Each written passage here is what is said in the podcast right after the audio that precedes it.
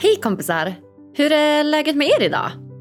I början av juni skulle jag egentligen delta i en livepodd på Elite Mimer Hotel här i Umeå där mitt Lyckopodden-team skulle intervjua mig av de bästa lyckoverktygen jag lärt mig under poddens gång. Men tyvärr blev det inställt på grund av coronaviruset, vilket jag såklart förstår. Jag vill bara tipsa er om att ni såklart kan boka mig som föreläsare, mental coach, livepoddare eller någonting annat här framåt hösten om ni så önskar. Och självklart då under coronavänliga restriktioner. Maila mig på agnes.lyckopodden.se Idag hörni så får ni vässa koncentrationsförmågan.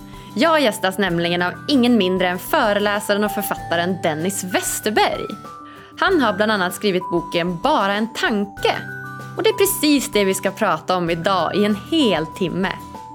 Tanken. Tankens kraft. Att tanken bara är just det, en tanke. Förhållandet mellan tanke och känsla. Vad intuition är för någonting. Och mycket, mycket mer. Dennis har upplevt en tuff bakgrund med bland annat ständig ångest, tvångstankar, återkommande panikattacker och depression. Han har självmedicinerat med hjälp av bland annat alkohol och allting slutade i ett självmordsförsök 2006. Vi pratar mer om det idag, hur han tog sig ur den djupaste dalen och vad som fick honom att faktiskt börja leva. Ett helt sjukt spännande avsnitt om ni frågar mig och jag hoppas att ni ska få massa härliga insikter. Jag heter som vanligt Agnes Sjöström och den här podden presenteras i samarbete med hypnotication.com. Varsågoda! Varmt, varmt, varmt välkommen till Lyckopodden Dennis Westerberg! Tack snälla, underbart kul att vara här. Du, eh, ombytta roller här. Jag har ju precis eh, gästat din podd, Thomas och Dennis podcast, där jag har berättat om, om mitt liv och mina erfarenheter och, och nu är det tvärtom. Absolut, och det är underbart. Och tack för allt arbete du lägger ner. Jag vet ju om eh, vad det krävs för att eh, vara närvarande och spela in vecka efter vecka efter vecka. Så tack så mycket Agnes. Jag lyssnar. Eh, jag är en trogen lyssnare på er podd. Ja, vad glad jag blir och jag kan bara säga tack detsamma. Tack för att du lyssnar, tack för det arbete du gör, tack för att du hjälper till att förändra världen till det bättre. ja. ja, det är gott att vara här. Ja, ja men vad kul. Vad känner du? Tycker du att det var mer bekvämt att bli intervjuad eller att intervjua själv? Jag är ganska bekväm med båda. Jag, eh, jag jobbar ju som eh, programledare, moderator, föreläsare i många sammanhang. Men eh, tacksamt nog har jag också blivit inbjuden flera gånger till andra poddar och till ja, även lite i tv och lite radioprogram och så. Så att jag tycker det är spännande och kul. Det är klart det är lite pirrigt. Mm, ja, det är lite pirrigt. ja, det var härligt. Det var kul. Jag, jag tycker att vi hade ett fantastiskt trevligt samtal sist och eh, jag känner nästan hur jag tog på mig också lite intervjuarrollen ibland där. Jag var så nyfiken på, på på eran, eh, ja, men era tankar och era visioner också. Så att, eh, ja, jag märker att jag verkligen har satt mig in i den här intervjuarrollen. ja, det, det kändes bra. Det är väl kul att kunna växla lite. Ja, ja men jag tycker det. Jag tycker det är jätteroligt att få göra båda. Du, eh, det var en sak som jag glömde fråga dig sist. Och eh, det är ju att du har en sjukt spännande titel på din hemsida. Och det är just världsförbättrare. Så himla fint! Ja, och det där är ju lite humor. Jag gillar ju humor. Alltså, det är ju allt annat än ödmjukt. Men ändå kul och härligt.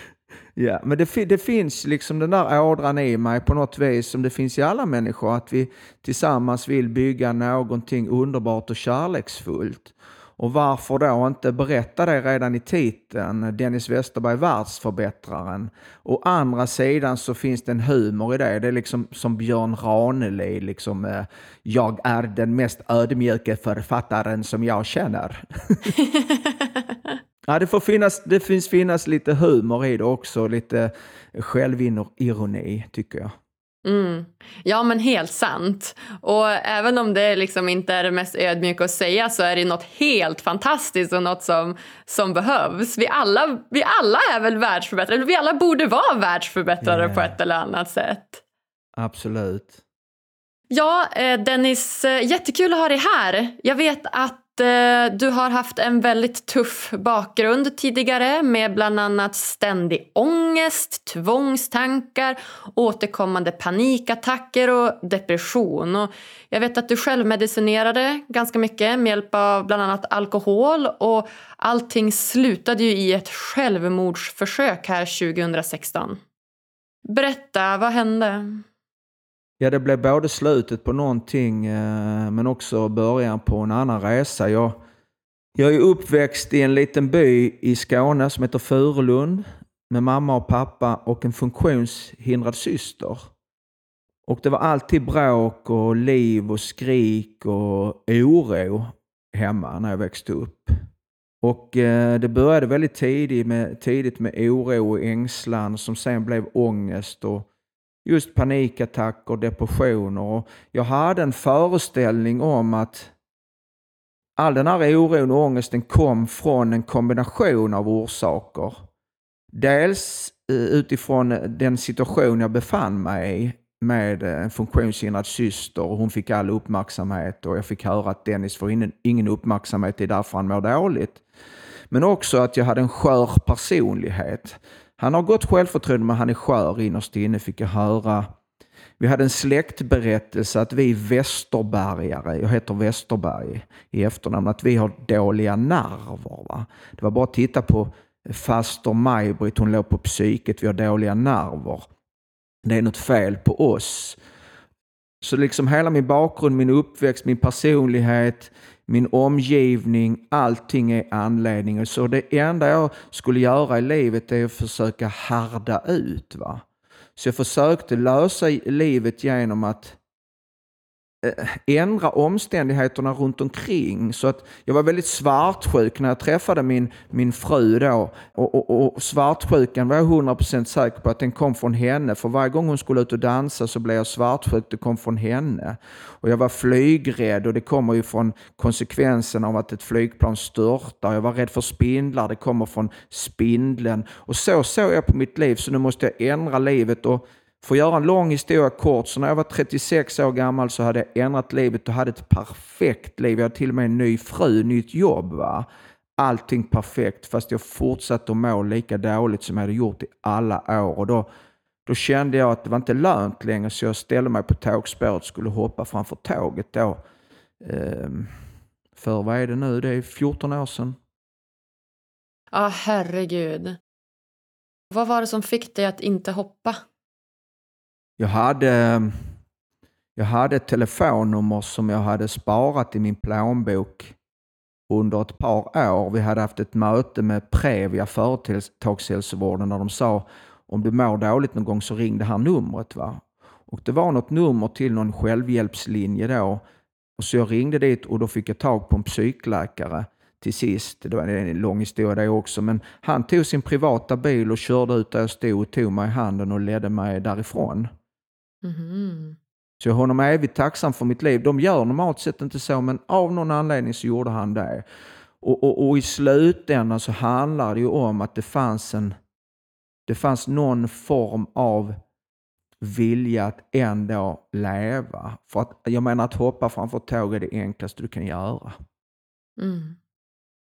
All cred till honom då som kom och, och tog dig därifrån, verkligen. Ja. ja.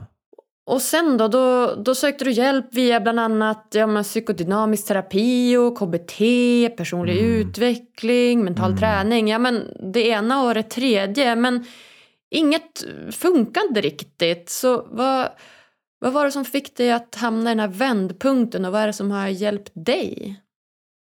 Någonstans när det här hade hänt så, eh, så bestämde jag mig för att det enda jag ville det var att må bra. Och jag förstod inte hur det funkar. Så jag gick då först och redde ut hela mitt förflutna. Men efter åtta månaders psykoterapi så mådde jag sämre än jag någonsin gjort. Va? Jag var som en, jag var som en, eh, våt filt. Va? Vi hade lyft på varje sten. Så jag var som en våt urlakad filt. Jag har liksom aldrig mått sämre än när vi, vi pratade och pratade om allt hemskt som hade hänt och varje gång så mådde jag sämre. Och då fick jag rådet, och det här är en lång historia, det här är åtta månaders psykoterapi. Sen fick jag rådet att jag skulle gå i KBT. Därför att då fick jag höra att nej, men det handlar inte egentligen om hur du har det, det handlar om hur du tar det. Det handlar om om du tänker positivt så blir livet positivt. Och jag kunde se att det fanns den kopplingen mellan tänkandet och hur jag upplevde världen. Så jag tänkte jag ska lära mig de här teknikerna och metoderna för att kunna se positivt på livet. Va? Att kunna förhindra tankar, att kunna förändra tankar, att kunna eh, ta bort tankar när de dök upp. Och till och med det här sista inom KBT nu eh, som handlar om acceptera tankar. Men för mig då, efter två år och sen så parallellt så läste jag då NLP, neurolingvistisk programmering, liksom man kan säga näringslivets version av KBT, mental tränings ursprung. Och när jag höll på med det så, så den ena delen av det var befriande, ja men det är tankar. Det beror på eh, någon slags mentalt tillstånd, det beror på humöret, hur jag ser världen och vad jag tänker. Men det fanns ett gigantiskt problem kring detta. Det var att hur jag än försökte tänka på ett visst sätt så gick det inte. Idag vet jag varför. Därför tanken funkar inte så att den är under vår kontroll, inte ens när det verkar så. Det är nämligen fullt möjligt att vilken tanke som helst tar form i en sinne. För vore det så enkelt att vi bara kunde styra vad, vad vi tänkte, då skulle ju alla människor gjort det. Så att det som hände egentligen, och, och det här är en efterkonstruktion för att jag har förstått mer om hur vi funkar. Det som egentligen hände det var att jag är denna friskhet. Den kom med det liv som lever i allt levande. Det finns något levande i oss människor. Det som får hjärtat att slå. Bort med livskraften så att säga så finns det ingen Dennis. Va? På med liv så är jag här. va? Vi är vid liv. Och det är ursprunget i att vara människa och där finns en friskhet, en sundhet, en motivation, ett driv, det som får oss att krypa och gå. Men det jag förstår idag är att det också ger oss gåvan tänka. Och jag tänkte mig till tokiga tankar, oskyldigt, och försökte liksom lösa livets mysterium genom att tänka mer. Och det enda som hände det var att jag trasslade mig in i mitt eget tänkande och försökte trassla mig ut genom att tänka mer. Va? Och till sist hade jag vävt ett täcke så att säga av tankar som skymde den här välmåendet. Precis som att molnen ibland skymmer himlen och glömde jag bort att jag är denna himmel. Va? Och det mitt tänkande handlade extremt mycket om att försöka reda ut det förflutna. Men det som hände 2009 var att jag såg ett videoklipp på nätet där det var en man som tittade rakt in i kameran och så sa han You have bought into the wrong model of the world. Alltså, där är någonting du har missförstått Dennis. Och så tänkte jag, vad fan är det jag har missförstått? Och då sa han, the past doesn't exist. It's just a thought in the present moment. Och jag förstod på ett ögonblick som en insikt. För de flesta betyder det ingenting, men för mig inser jag att det förflutna är över. Det kan aldrig någonsin jaga mig. Det är bara en tanke. Den enda stund som finns är det pågående ögonblicket nu. Och det är det enda. Det är omöjligt att uppleva framtiden eftersom den inte har hänt. Det är omöjligt att uppleva det förflutna eftersom det inte händer nu. Vad som än hände då händer det inte nu. Det är bara en tanke. Inget annat än en tanke, men som verkar verkligen när vi tänker. För jag kan se framtiden, jag kan höra den, smaka den, lukta den och känna den. Jag kan se det förflutna, jag kan smaka det, lukta det, känna det, höra det. Fast det kan jag inte. Det enda jag ser, hör, smakar, luktar, känner är en tanke. Inget annat än en tanke och en tanke är ingenting. Och det enda som är är nu och jag kan inte lämna detta nu. Jag är redan frisk, jag är allting. Och det här är en sån gigantisk insikt jag fick på bara några få sekunder genom att inse det som alltid varit sant men jag glömt bort på grund av mitt tänkande. Ja, wow. Det är en riktigt eh, insiktsfull insikt och det ligger väldigt mycket power i den, just tankens kraft. För som du säger, vi är ju människor på den här planeten. Vi är inte det vi tänker utan vi, vi tänker det vi tänker men det behöver inte vara sant. Och just den här distanseringen till tanken är nog väldigt hälsosam. Ja, och det jag, det jag upptäckte, och det här är lite hårfint va. Men det jag upptäckte det var att det är inte tankens innehåll som är intressant. Utan det som är intressant när det gäller välmående är insikten om att vi tänker. Det vill säga, vad vi än tänker är det bara en tanke. Ta framtiden som ett exempel. Det finns ju ingen framtid och, det, och det är bara att kolla efter. Man kan ju inte uppleva nästa julafton eller nästa påsk, nästa månads möte, nästa veckas möte, morgondagens möte, stunden ikväll. Det enda sättet att uppleva framtiden det är att tänka på den, men det är ju inte framtiden man upplever när man tänker på den. Det enda man upptäcker är sitt eget tänkande och det enda där är en tanke. Så jag har upptäckt att hela framtiden är bara en dröm och en dröm är inget annat än en dröm, ingenting. Men jag upptäckte också att detsamma gäller det förflutna. Ingenting av det förflutna existerar. Och när jag avslöjade det så såg jag att den enda stund som finns är det som är kvar. Nu. Alltid nu. Ja, ja men jättespännande. Men om vi stannar lite grann där på just framtiden och det som har hänt. Eh, för att jag håller ju helt med dig att när man, får, när man kommer till den här insikten att det är bara en tanke, det behöver inte vara hela världen, det behöver inte vara så verkligt. För jag tror många av lyssnarna och de flesta kan känna igen sig i att tanken styr väldigt mycket av ens liv. Att eh, Antingen så tänker man på det som har hänt som är antingen positivt eller negativt eller på det som kommer att hända som är antingen positivt eller negativt. Men om vi börjar då och gå tillbaka i tiden och det som har hänt för att där har vi ju, vi alla är ju formade på något sätt av det som har hänt. Vi har olika mönster från barndomen, vi har olika erfarenheter av relationer, av skola, av jobb som har någonstans format oss till de vi är idag. Vad skulle du vilja ge för råd till de som har osunda relationer eller mönster från tidigare? Det jag skulle vilja säga då är att vara lite nyfiken på att det du just beskrev är en traditionell modell av psykologi. Det vill säga den ångest man känner idag kommer från det man har varit med om förut. Men att utmana den bilden är det jag vill göra.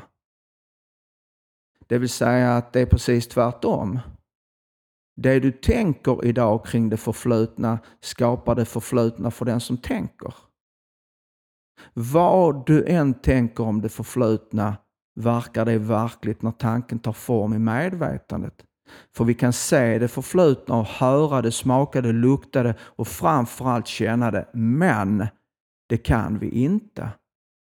Det vi kan se är vad vi tänker nu och det är bara en tanke. Och detsamma gäller nuet. Det vill säga att vad du som lyssnar än tänker om mig är jag inte. Jag har ingen tanke.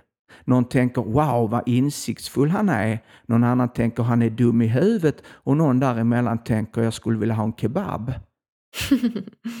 och det verkar liksom ha med mig att göra men det enda vi människor kan uppleva är vad som pågår i sinnet. Och Det är nämligen fullt möjligt att tänka vad som helst kring det förflutna, kring framtiden, kring nuet men också kring oss själva. För vad vi än tänker om oss själva blir den vi är för den som tänker. Såvida inte, och här är min poäng, vi avslöjar tanken som en princip, som en naturlag, att vara falsk. Gärna vill vi dela in tankar i bra tankar, dåliga tankar, roliga tankar, kul tankar, hemska tankar, ångestfyllda tankar, tvångstankar, men när vi går till tankens ursprung, vi kan göra det nu om vi tänker på en röd tomte till exempel. Vi formar en röd tomte i medvetandet.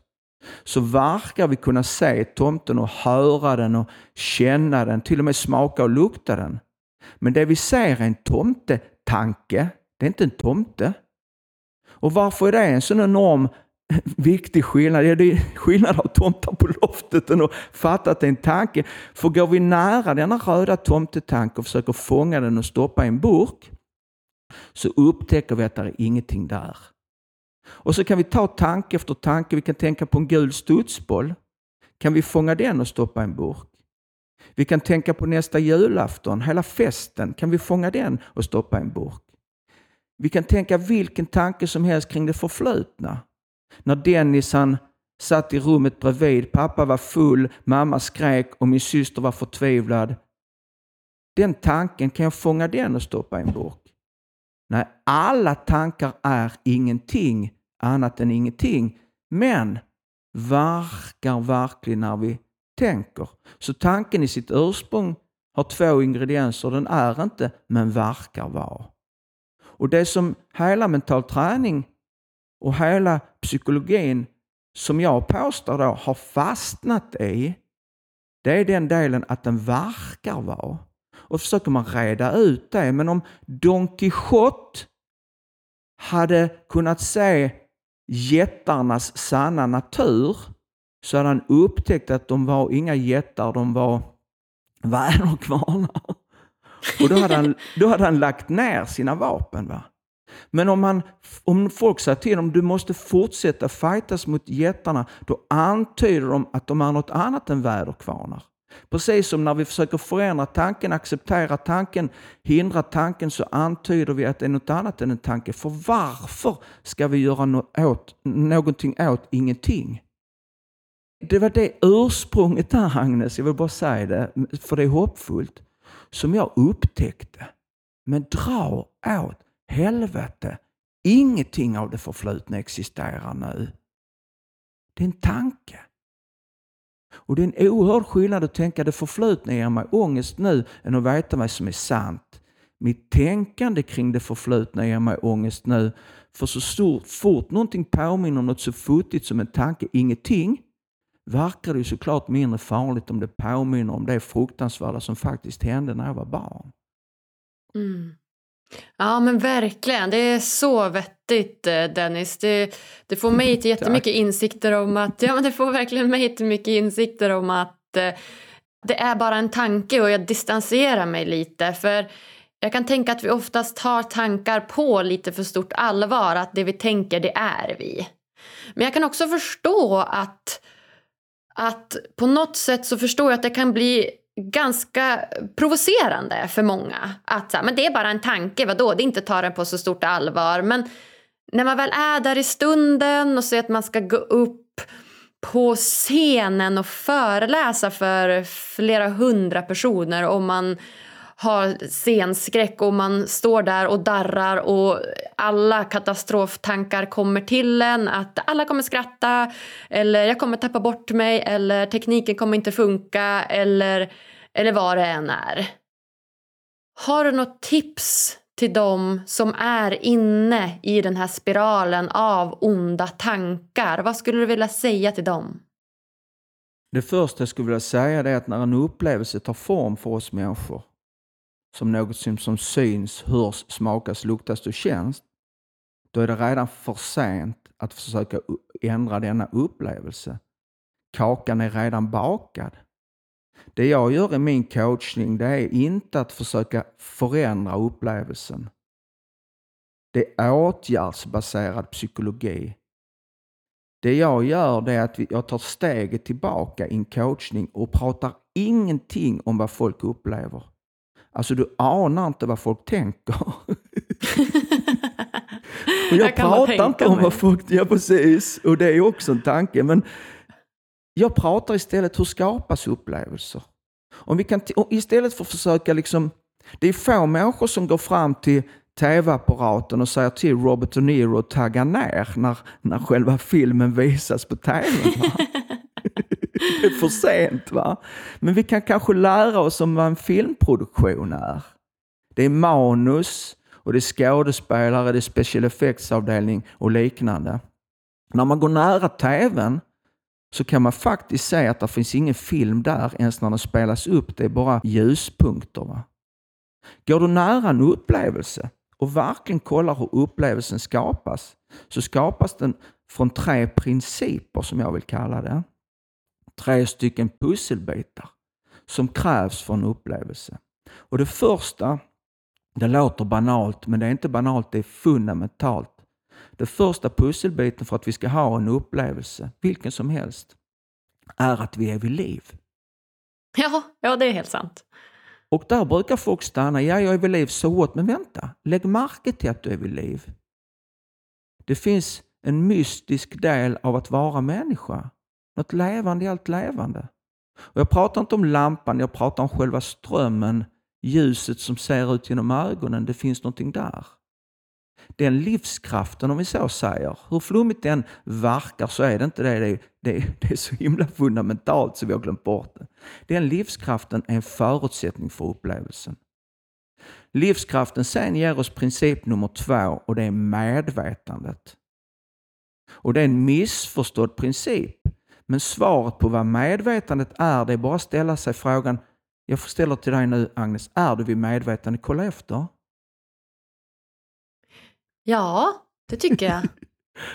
ja, och du vet det. Är det något vi vet så är det det. Och, och jag ställer frågan igen. Kolla efter och stanna i svaret en stund. Är du vid medvetande? Och det är själva skärmen där livets teater tar form, medvetandet. Ett annat ord är psyket. Och jag pratar inte om hjärnan, jag pratar om psyket, denna formlösa del av att vara människa. Framtiden tar form i psyket, inte i framtiden. Det förflutna tar form i psyket, i medvetandet, inte det förflutna. Så det krävs livskraft och det krävs denna tomma charm. Men än så länge är det bara nu, ro, stilla. Och då helt plötsligt dyker det upp en tanke. Och tanke kommer från livskraften, från insidan så att säga. Det är fullt möjligt att tänka vad som helst, men tanken är fortfarande otänkt. Helt plötsligt godtyckligt tar den form i medvetandet. När tanken kommer i medvetandet skickas den till synen, hörseln, smaken, lukten, känslan. Och nu kan vi se, höra, smaka, lukta, känna det vi tänker. Och nu kommer det spännande. Eftersom vi ser det, hör det, smakar det, luktar det och känner det så är det inte längre en tanke för den som tänker. Vilket innebär att vad som än tänks är det bara en tanke. Så jag reder inte ut vad folk tänker. Jag gör dem nyfikna på vad en tanke är. Jag gör dem nyfikna på att det finns redan en friskhet där. Fabriksinställningen i att vara människa är att ha motivation, glädje, kärlek, tacksamhet, sinnesfrid. Men när tanken tar form i medvetandet så lurar den upp, oss upp på läktaren. Vi får tankar vi inte gillar, försöker hantera tankar. Folk säger till oss, tänk inte så, vi försöker reda i detta. Och helt plötsligt har vi tänkt oss från detta barnasinne, denna klarhet, till detta vansinne, denna ångest. Oskyldigt, oskyldigt, oskyldigt. Och när människor ser det, eller hör det, i sitt ursprung så tenderar tankar att ha en större tendens att bara försvinna av sig själv. Och det som är kvar är inte tomhet, det är denna friskhet, denna ro. Och det var det jag upptäckte, vad fan, jag är redan frisk. Jag behöver inte skaffa något, skapa något, förändra något. Jag är detta, jag behöver bara fatta att det som står i vägen är tanke och en tanke är ingenting.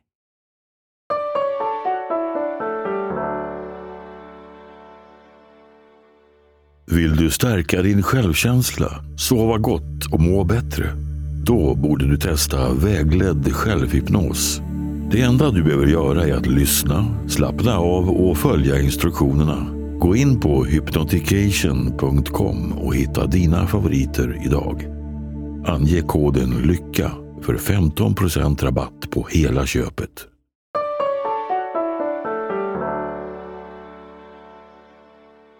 Wow, det, det, får, det, det väcker mycket tankar. Ja, det du säger. Ja. Nej, det är helt underbart. Jag är en riktigt nyfiken person och tycker att det här är så spännande. Och Min nästa fråga, det är ju då, för nu har vi pratat mycket om tanken. Du har kommit in ganska mycket på eh, olika stimuli, att vi tolkar stimuli. Och med stimuli menar jag då eh, smaken, lukten, känseln, hörseln. Eh, alla de intrycken vi får. Och att om jag luktar på en blomma så går ju den det stimulit går ju upp till hjärnan. Vi tolkar vad vi då luktar. Säg att det luktar jättegott så tolkar min hjärna att mm, det här var gott. Men om vi Det, då... där är, det där är den traditionella bilden. Det är en traditionell bild, en väldigt vetenskaplig bild. Nej, nej inte, alls, inte alls. Nej, inte alls. Okej, berätta, hur tänker du då? Det, det, liksom, om du stänger av lukten till exempel så luktar ju inte en blomma någonting alls. Va?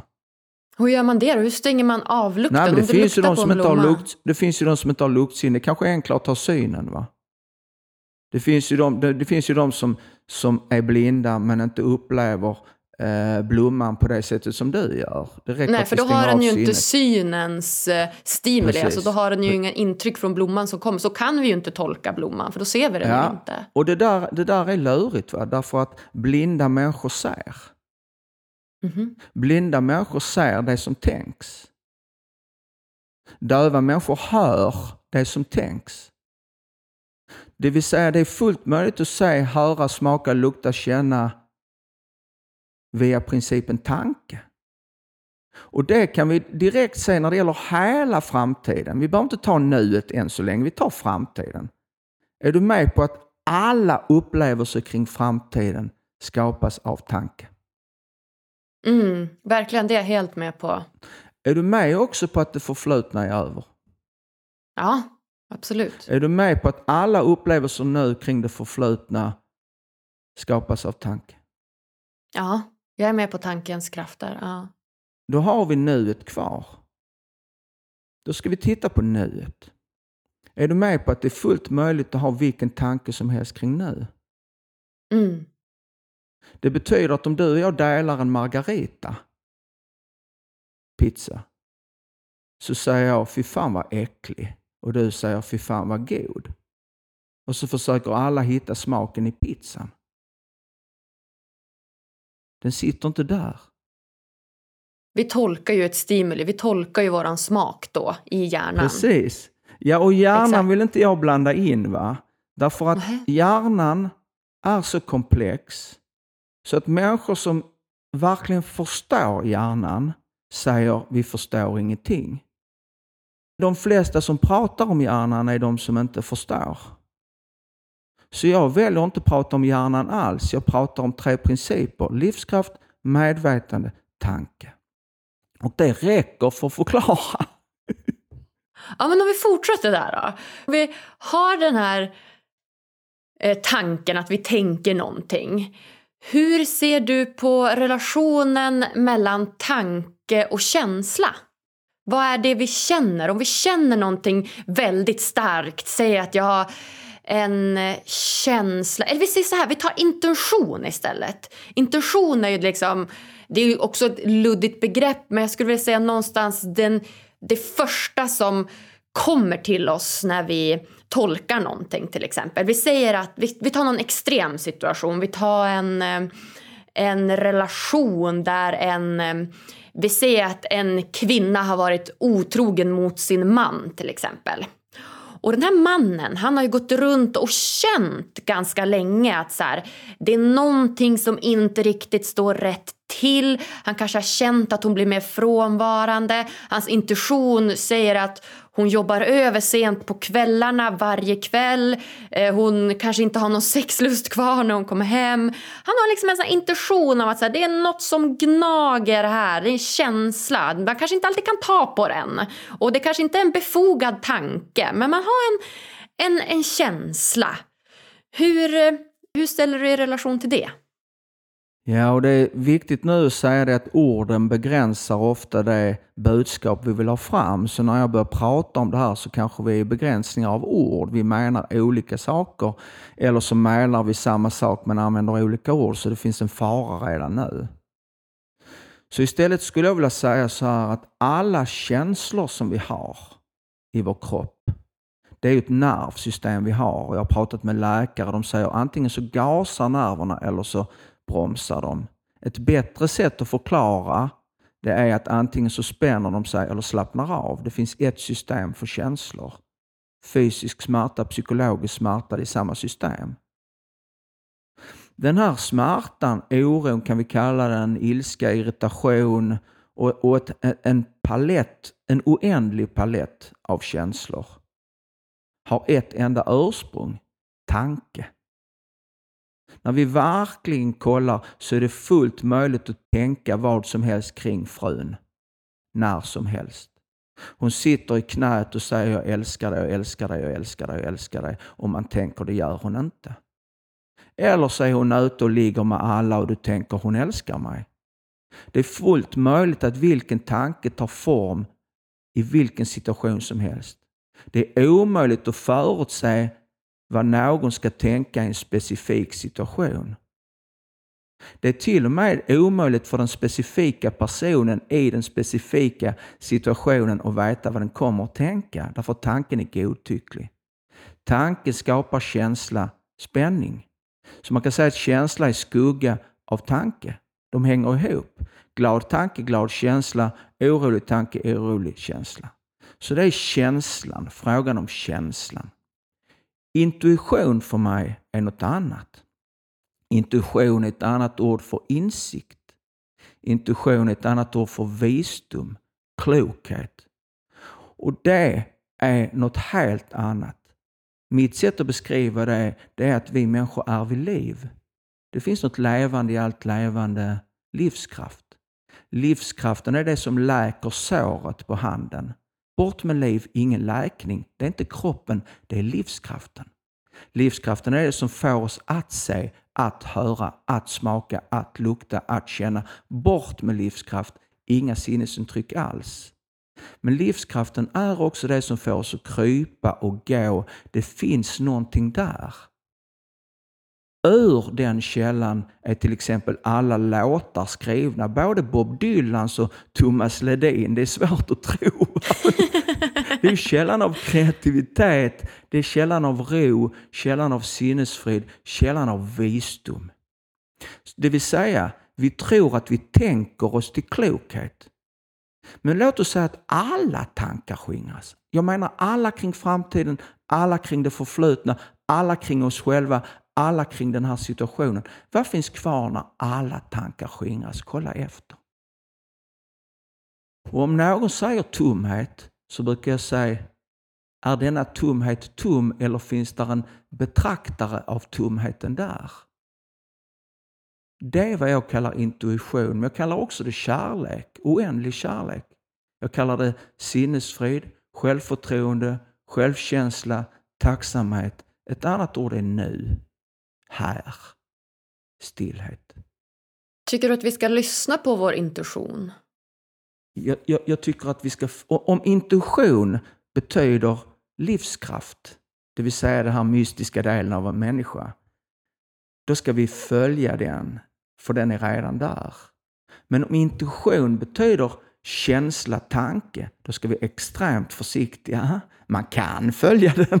Det är fullt möjligt att göra allt man tänker. Men då är man en slav utifrån det som tänks och det är lite lurigt därför tanken är godtycklig.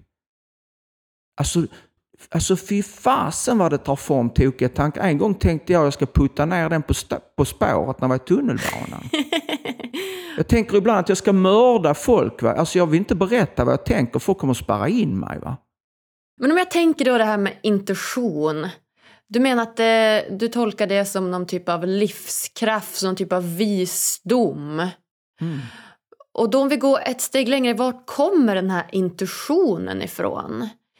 Jag tror att jag nog har tänkt att den här intuitionen kommer ifrån, det är, något, det är någon typ av samlat um, ett samlat paket av våra erfarenheter och av det vi har varit med om.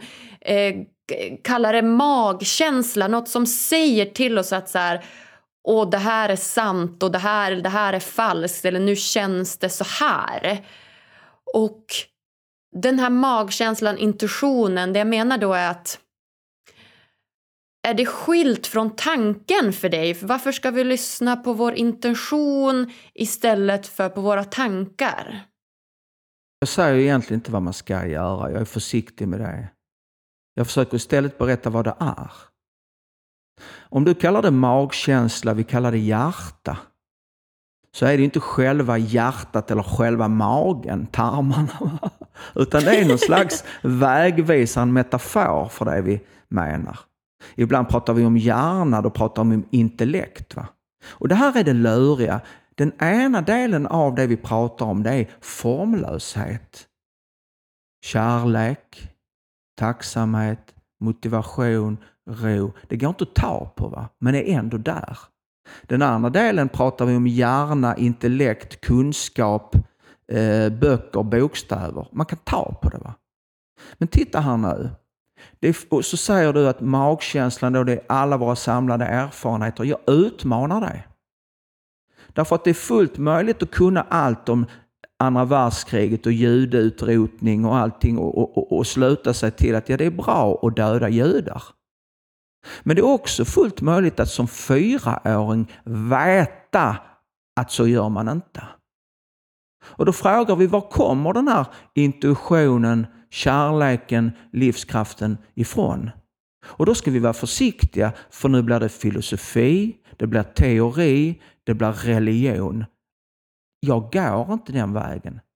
Jag stannar i det faktum att vi är vid liv. Det finns någonting där. Betraktaren av livet. Och det är inte Dennis, namnet Dennis. Det är bara en tanke dessutom. Det var inte jag som tänkte. det är heller inte mitt hår. Det är inte mitt yrke. Det är inte min kropp. Du vet, min kropp det kommer från det jag har ätit och druckit. Det är den som har en kropp. Och det är någonting annat. Det är en formlös del av att vara människa. Eh, religiösa människor kallar det själen. Vi kan kalla det vad som helst, jag vill inte förlora mig i ord, men det finns någonting där, det är ljus som ser ut genom ögonen och det är inte kroppen. Det är fullt möjligt att ha en kropp utan ljus. Men frågan är, är vi kroppen eller är vi detta ljus? Det är bara att kolla efter själv. Ja, så himla spännande. Jag tänker att för att förstå det här lite bättre, både för mig själv och för lyssnarna, så tänker jag om vi kan dra några paralleller till dig själv. Mm. Hur, hur vet du vad du vill i livet? Hur vet du vad, vad som är viktigt för dig? Vad baserar du dina handlingar på? Hur, hur ser du på framtiden? Om jag säger så här. Den stora skillnaden för mig nu mot tidigare är att jag vet saker och ting. Jag vet att det finns något levande i allt levande. Och den livskraften får mig att ta bort handen från en varm platta.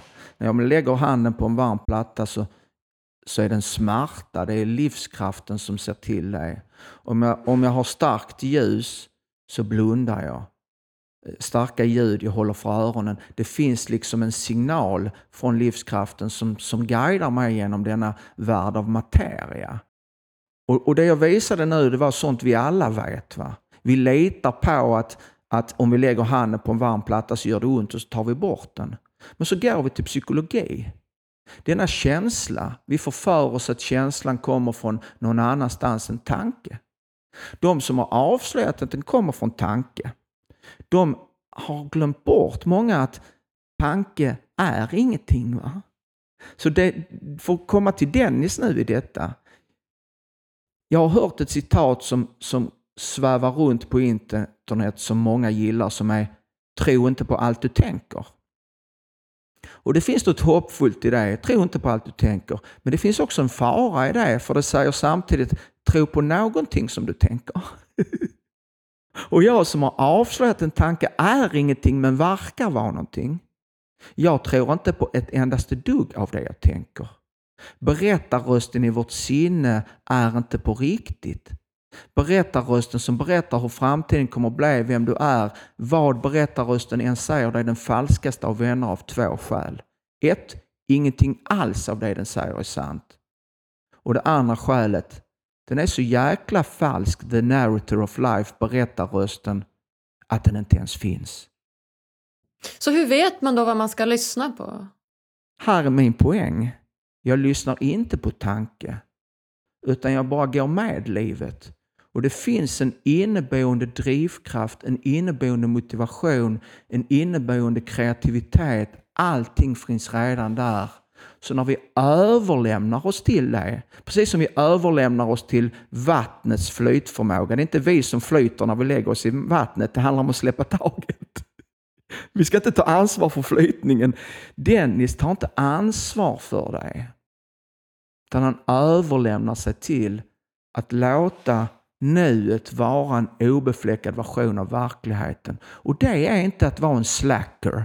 Det är inte att vara en jävla tölp eller en ilsken person. Det är det motsatta. Det är att vara motiverad, fast det är en stilla motivation. Det är att vara en gemenskap. Det är att vara allt det man vill vara. Så om man börjar googla mig så ser man det är ingen slacker. Det här är en eventproducent. Han är musiker. Han har spelat musik med, med många stora artister. Han är ehm, en erkänd föreläsare. Hans senaste bok är nominerad till Storytel Awards. Han gör extremt många saker. Okej, okay. sätter han upp en massa mål? Har han massa eh, mentala processer för sig? Eh, har han favoritkläder? Har han massa yoga, meditationsövningar? Nej, ingenting av det. Utan han låter liksom livet få utvecklas. Det är mitt, det är min en, mitt enda tips till folk. Att det finns redan där, kreativitet, inspiration och att du litar väldigt mycket på nuet. Ja, yeah. och det, det, det, är ju det är för att nuet är det enda som finns. va? Detta är ju humor, vad alla vill ta sig tillbaka till nu. Köp inte den boken. Det är ju den enda stund som finns hela tiden. Va? Allt annat är en dröm och det är ingen fara, det är bara drömmar. Men det finns en skillnad att veta om detta än att inte veta om det. Och jag visste inte kan jag säga i 39 år. Jag ska ta ett skämt som ett exempel. Det är fullt möjligt att kunna ett skämt utan att fatta det. Ja, ja det är sant. Om jag berättar ett skämt nu så lär du dig det va? Ja. Det har ju ingen som helst bäring på huruvida du fattar det eller inte. Nej, det är sant. På samma vis är det fullt möjligt att fatta ett skämt utan att kunna det. Mm. Och, och det här är skillnaden mellan så att säga form och formlöshet. Eller mellan kunskap och förståelse. Och det här är viktigt. Det finns en del av det vi kallar livet som är livets teater. Time, space, matter. Går vi nära tiden upptäcker vi att den inte finns, finns bara nu. Går vi nära platsen, space, upptäcker vi att det är alltid här. Var man än är, är man här. Och går man nära materia, vilket man gör inom vetenskap idag, kvantfysik, så upptäcker man att materia är inget annat än en potential. Det vill säga, materia är bara från vilken skala man betraktar världen. Va? Om du går nära en människa till exempel så säger du oh, det är en kropp. Men går du nära kroppen så är det celler. Går du sen nära cellerna så är det inte alls celler utan det är molekyler som badar i en vätska. Går du nära molekylerna och upptäcker att det är atomer. Går du nära atomerna är det protoner, neutroner och elektroner. Går du nära, går du nära så upptäcker du ingenting. Så livets teater, livets spel verkar väldigt verklig. Framtiden är förflutna även nu. Problemet nu är att det går, och det är ett underbart spel, va? Men det går aldrig att hitta kärlek, glädje, ro, sinnesfrid i detta spel. Det är där vi går miste. Va? Var finns kärlek, ro, sinnesfrid, tacksamhet, klokhet? Jo, på det sista stället vi letar. Här inne. Livskraften, oändligheten. Och när vi väl hittar den där så börjar den här kärleken, glädjen, motivationen att regna på livets teater, livets spel. Va? Men du kan aldrig gå tvärtom. Va? Du kan liksom inte hitta kärlek i ett äktenskap eller kärlek i en kärleksfull dikt eller kärlek i en kärlekssång. Inte ens kärlek i en äktenskapsring. Däremot, när vi är kärlek så kan kärlek manifesteras som ett äktenskap, som en dikt, som en sång, som en ring som en kyss, som en kram. Men det finns ju ingen kärlek i kramen. Och detta upptäckte jag som en gigantisk upptäckt när jag ställde frågan om kärleken till mina barn. Så upptäckte jag att den går inte att beskriva eftersom den är bortom ord. Orden begränsar, kärleken är oändlig. Och då såg jag också att kärlek är oändlig i alla dimensioner, dimensionslös. Så kärleken kan inte rymma, rymmas i dem hur tjocka de än blir. Va? Därför att den är formlös. Den kan inte rymmas i min fru, hur mycket jag än älskar henne. Utan när jag är i klarhet, i ro, i sinnesfrid, i nu, så regnar kärlek, samma kärlek på min fru som på mina barn, men också på Agnes. Så bli inte rädd nu. va. Det regnar på mitt yrke, det regnar på... Ja, det bara regnar, det bara är. Mm. Ja, det är fantastiskt. Att kärleken får regna på oss, det är helt fantastiskt. Låt mer kärlek regna. Du, eh, Dennis, vad är lycka för dig? Och det här hamnar vi också i, eh, i det här eh, mötet mellan det formlösa och form. Det vill säga att jag gillar ju saker och ting. Jag gillar att fika, jag gillar att kolla på fotboll, jag gillar ju att umgås med min fru, mina barn, mina vänner. Jag gillar att resa, jag gillar att läsa, jag gillar att spela musik. Men om jag är riktigt, riktigt ärlig så finns det ingen lycka att finna i detta spel. Därför att om man letar efter lycka där, helt plötsligt när man står och spelar musik så känner man sig olycklig. Man är tillsammans med sina barn och det räcker inte till. Man, man har en underbar stund på Hawaii med sin fru, ny drink inne, nya kläder, ny frisyr, brunbränd, allt är perfekt, finns ingen lycka där. Så jag har lämnat livets teater och livets spel och stannar i att jag är redan lycklig.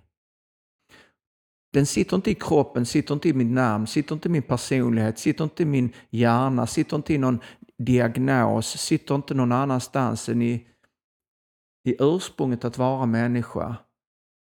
Jag vill kalla det livskraft. Och, och, och nu har jag nämnt det så många gånger i, i, i den här podden, men det är viktigt att veta vad jag pekar på. Är du vid liv, kolla efter en stund, lägg märke till det. Och där finns lyckan. Och det är därför vi går bet så många gånger. Jag, jag är huvudutbildare på ICA-skolan. ICA har en egen skola, man utbildar de mest framgångsrika ICA-handlarna i hela Sverige och jag utbildar där. Va? Och vissa av de ICA-handlarna, de har allt. va. De har den bästa butiken, de har de mesta pengarna, den bästa bilen, en fru och en fru på byn till. Liksom, och, alltså ett ex och sen så har de någon älskarinna och så har de en ny bil och en båt och en buss och de har allt. va. Men ingen lycka, ingen sinnesfrid, ingen ro. Man får för sig att sinnesfrid, ro och lycka får man på Hawaii, Nya Zeeland eller vad man än har råd med och de har råd med allt. Men man kan ju inte vara där alltid utan då kan man ju jobba lite till så när man väl har jobbat klart va, så kommer lyckan som en medalj men det kommer ingen medalj. Men då kan man jobba lite till och jobba lite till. Mitt erbjudande till dem är a, a, a, a, a stopp, stopp. Den finns inte där. Vad sägs om att vara både lycklig och framgångsrik? Först lycka och sen framgång. Var är lycka? Var är ro? Var är sinnesfrid? Var är tacksamhet? Och när man väl hittar den på den enda plats den är, här, så tenderar även lycka, inte bara kärlek och motivation, utan även lycka tenderar att regna liksom på livets teater, livets spel. Och då kan man spela med i detta spel utan att någonting står på spel, för allting i detta spel är påhittat. Länder, namn, regler, eh, veckodagar, företag. Många människor ägnar sitt liv till ett företag och vet inte om att det är påhittat. Jag vet det för jag har hittat på företag, många. Många ägnar sitt liv åt att gå en utbildning. Jag går en utbildning, wow, det är på riktigt. Det är inte på riktigt. Jag har hittat på 25 stycken olika YH-utbildningar. Det var vad jag jobbade med innan, hitta på sådana. Det är inte på riktigt. Ja, men det finns en kursplan. Jag vet, jag har hittat på den. ja, så himla intressant Dennis. Så om du fick ge lyssnarna en utmaning som de kan göra varje dag för att bli lite lyckligare, vad hade det varit då? De behöver inte göra någonting, de är redan där. Utan det de istället kan göra det är att vara nyfiken på Hur kan det vara så att ibland när vi kommer till jobbet så är det bara yeah. Fem minuter senare, fy fan att sitta i detta hål. Hur kan upplevelsen förändras trots att jobbet är detsamma? Hur kan man sitta i en bilkö, öh, fy fan som folk kör. Fem minuter senare, rätt skönt att sitta här. Hur kan det vara så att Dennis har en föreläsning för hundra personer och någon tänker fy fan vad bra och någon annan tänker nej fan vad kass och någon däremellan funderar inte på en kebab utan de vill ha falafel. Alltså vad, hur skapas en upplevelse? Vad är en upplevelse? Och så tar vi steget ifrån filmen, Robert De Niro, och tittar på hur skapas film? Alltså, hur skapas upplevelsen?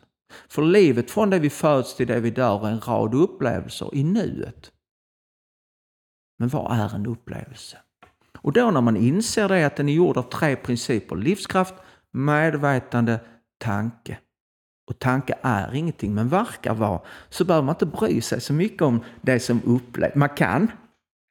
Och då kan man spela livets spel utan att någonting står på spel. Ja, du har så rätt. Det är så vettigt Dennis. Vad härligt. Jag är så glad att du är här. Ja, tack så mycket. Och jag är så glad att jag fick vara här för att jag vet om att en del det jag, kan säga, det jag säger är lite förvillande och ibland lite provocerande. Men jag tar den chansen. Ja, ja men det är det verkligen. Det ligger verkligen någon... Det vilar för mig, det du säger, så vilar det något helt eh, fantastiskt och befriande och, och eh, autentiskt samtidigt som att det är klart att det är provocerande och det är klart att det är utmanande och jobbigt. Så det är verkligen, verkligen båda, båda delarna och det är det som gör det så härligt tycker jag. Det är väl som livet i, i, i allmänhet? Va? Visst är det? Det är helt fantastiskt underbart och helt fruktansvärt jobbigt. Ja, precis. Både himmel och helvete redan här på jorden, på ett och samma eller hur? ställe. Ja, ja. på ett och samma ställe. Du, om du fick tipsa mig om någon gäst som du hade velat lyssna på, som du tycker är inspirerande, vem hade det varit då? En svensk? Ja, alltså nu har jag fått en fråga några gånger och jag, känner att jag måste börja utmana mig själv här på engelska, men för tillfället så är det en svensk. Mm. Då ska jag ta en person som pratar om något helt annat. Han pratar om livets spel. Han heter Troed Troedsson. Troed Troedsson när det gäller livets spel är den mest kloka människan jag någonsin träffat. Han förklarar hur kan det vara som kaos i skolan? Hur kan det vara som kaos globalt? Han förklarar livets spel med färska, kloka ögon. Kolla upp honom, Troed Troedsson. Jag har hans nummer, du kan få det sen också. Jättegärna! Är det TRO? Tro? Troed, ja.